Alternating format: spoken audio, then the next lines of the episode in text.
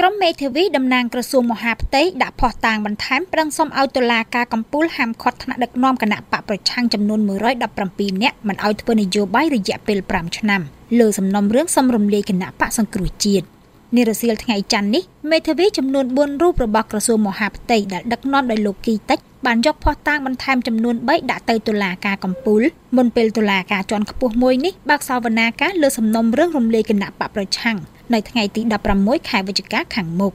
លោកគីតិចមេធាវីមួយរូបក្នុងចំណោម4រូបប្រាប់អ្នកសារព័ត៌មានក្រោយចេញពីដាក់ភស្តុតាងនៅតុលាការកំពូលនារសៀលថ្ងៃច័ន្ទនេះថាភស្តុតាងចំនួន3ដែលទើបដាក់បន្ថែមលើភស្តុតាងចំនួន23ផ្សេងទៀតនេះរួមមានសេចក្តីថ្លែងការណ៍របស់ក្រុមមេធាវីភស្តុតាងថ្មីបញ្ជាក់ពីអំពើបាននឹងកំពុងបន្តធ្វើផែនការបដិវត្តពណ៌និងបញ្ជីឈ្មោះក្រុមតំណាងរាស្ត្រថ្នាក់ដឹកនាំគណៈបកសង្គ្រោះជាតិចំនួន117រូបលោកបន្តថា ក្រុមមេធាវីបានដាក់បញ្ជីឈ្មោះរបស់ថ្នាក់ដឹកនាំគណៈបកសង្គ្រោះជាតិទាំងនោះដើម្បីសុំឲ្យតុលាការកំពូលហាមឃាត់មិនឲ្យពួកគេធ្វើសកម្មភាពនយោបាយរយៈពេល5ឆ្នាំតែតាមច្បាប់ស្តីពីគណៈបកនយោបាយ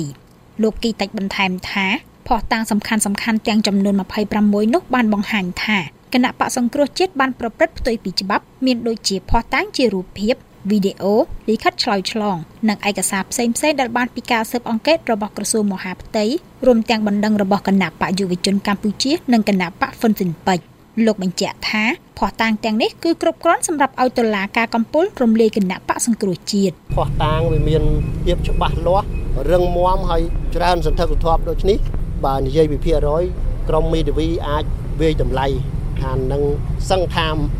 100%ក្នុងការឈ្នះក្តីក្នុងការដែលតុលាការយកទៅពិនិត្យនិងសម្រេចរំលាយគណៈបកសង្គ្រោះជាតិបានកាលពីថ្ងៃទី6ខែតុលាឆ្នាំ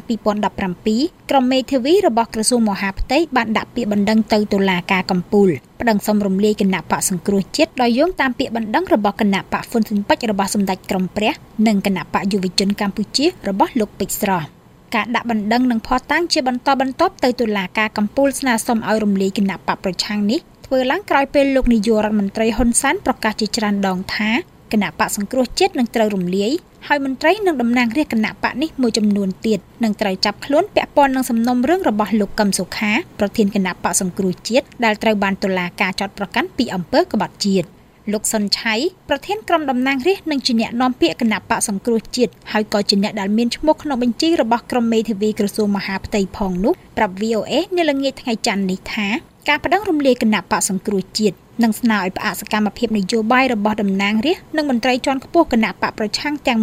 117រូបគឺជាការប្តឹងដែលមិនសមហេតុផលនិងថាជាការប្តឹងដែលគ្រាន់តែដើម្បីបញ្ចប់ជីវិតគណៈបកសង្គ្រោះជាតិលោកបន្ថែមថាការប្តឹងបញ្ចប់ជីវិតនយោបាយរបស់គណៈបកប្រឆាំងដែលមានប្រជាពលរដ្ឋគ្រប់គ្រងជាច្រើនលានអ្នកបែបនេះនឹងធ្វើឲ្យខុសពីឆន្ទៈរបស់ប្រជាពលរដ្ឋនិងផ្ទុយពីគោលការណ៍លទ្ធិប្រជាធិបតេយ្យ ការបាត់បង់តំណែងរបស់ប្រជាពលរដ្ឋវានឹងធ្វើឲ្យពលរដ្ឋខឹងសម្បាបាទធ្វើឲ្យពលរដ្ឋបាត់បង់នៅជំរឿក្នុងការជ្រើសតំណាងរបស់ពួកគាត់ដើម្បីការពារឆន្ទៈរបស់ពលរដ្ឋខ្មែរហើយយើងស្គាល់អំពីគោលការណ៍នៃលទ្ធិប្រជាធិបតេយ្យសេរីភាពបកដែលមានចែងក្នុងរដ្ឋធម្មនុញ្ញផងជាការបន្ថែមបណ្ដឹងអីហ្នឹងពីគ្នានៅថ្មីបាទគឺតែជាការចង់បាន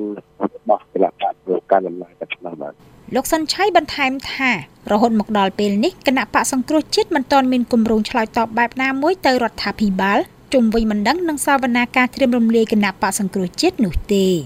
នៅថ្ងៃទី13ខែវិច្ឆិកានេះដែរលោកសខេងរដ្ឋមន្ត្រីក្រសួងមហាផ្ទៃក៏បានចេញលិខិតមួយច្បាប់ស្នើឲ្យគ្រប់អភិបាលរាជធានីខេត្តនៅទូទាំងប្រទេស រៀបចំក្រុមការងារប្រចាំបញ្ជាសម្រាប់តាមដាននិងដោះស្រាយបញ្ហានានាពាក់ព័ន្ធនឹងសកម្មភាពផ្សេងផ្សេងដែលលោកសខេងហៅថាជាឧបាយកលផ្ដួលរំលំរដ្ឋអំណាចស្របច្បាប់នៅកម្ពុជាចាប់ពីថ្ងៃទី15ខែវិច្ឆិកាគឺមុនមួយថ្ងៃនៃការបើកសវនាការរំលាយគណៈបកសង្គ្រោះជាតិក្នុងលិខិតនោះត្រូវបានសរសេរក្នុងន័យដើមថាដើម្បីគ្រប់គ្រងតាមដានសភាពការនិងដោះស្រាយបញ្ហានានាបានទាន់ពេលវេលានិងឆាប់រហ័សនៅតាមរដ្ឋបាលរាជធានីខេត្ត ក្រសួងមហាផ្ទៃស្នើឲ្យឧត្តមលោកជំទាវរៀបចំក្រុមការងារប្រចាំបញ្ជាសម្រាប់តាមដាននិងដោះស្រាយបញ្ហានានាពាក់ព័ន្ធនឹងឧបាយកលផ្ដួលរំលំរដ្ឋអំណាចស្របច្បាប់នៅកម្ពុជាចាប់ពីថ្ងៃទី15ខែវិច្ឆិកាឆ្នាំ2017តទៅនិងរាយការណ៍មកក្រសួងមហាផ្ទៃលោកសុនឆៃលើកឡើងថាគម្រោងនៃការត្រៀមរំលាយគណៈបកសង្គ្រោះជាតិគឺជាសកម្មភាពដែលផ្ទុយនឹងឆន្ទៈរបស់ប្រជាពលរដ្ឋដូច្នេះលោកថាការបញ្ជារបស់រដ្ឋមន្ត្រីក្រសួងមហាផ្ទៃបែបនេះ អាចបណ្ដាលមកពីការព្រួយបារម្ភហួសហេតុលោកបន្ថែមថាគណៈបកសង្គ្រោះជាតិមិនមានគម្រោងប្រមូលផ្ដុំដើម្បីតវ៉ាណាមួយនៅថ្ងៃបើកសវនាការរំលាយគណៈបកប្រឆាំងនាថ្ងៃទី16ខែវិច្ឆិកាខាងមុខនោះទេចាប់តាំងពីមានការចាប់ខ្លួនលោកកឹមសុខាប្រធានគណៈបកសង្គ្រោះជាតិនិងការត្រៀមរំលាយគណៈបកប្រឆាំងដែលមានអ្នកគាំទ្រជាង40%នៅទូទាំងប្រទេសនោះអង្គការសង្គមស៊ីវិលស្ថាប័នជាតិនិងអន្តរជាតិជាច្រើនបានរិះគន់រដ្ឋាភិបាលលោកហ៊ុនសែនជាបន្តបន្ទាប់ ពួកគេបានបង្ហាញពីការបារម្ភថាដំណើរការលទ្ធិប្រជាធិបតេយ្យនៅកម្ពុជាឈានទៅរកភាពខ្ទេចខ្ទីហើយថាការរំលាយគណៈបកប្រឆាំងនឹងជះឥទ្ធិពលដល់ដំណើរការបោះឆ្នោតក្នុងឆ្នាំ2018ខាងមុខរាយការណ៍ពីរាជធានីភ្នំពេញ នាងខ្ញុំ កាន់វិជ្ជការ VOA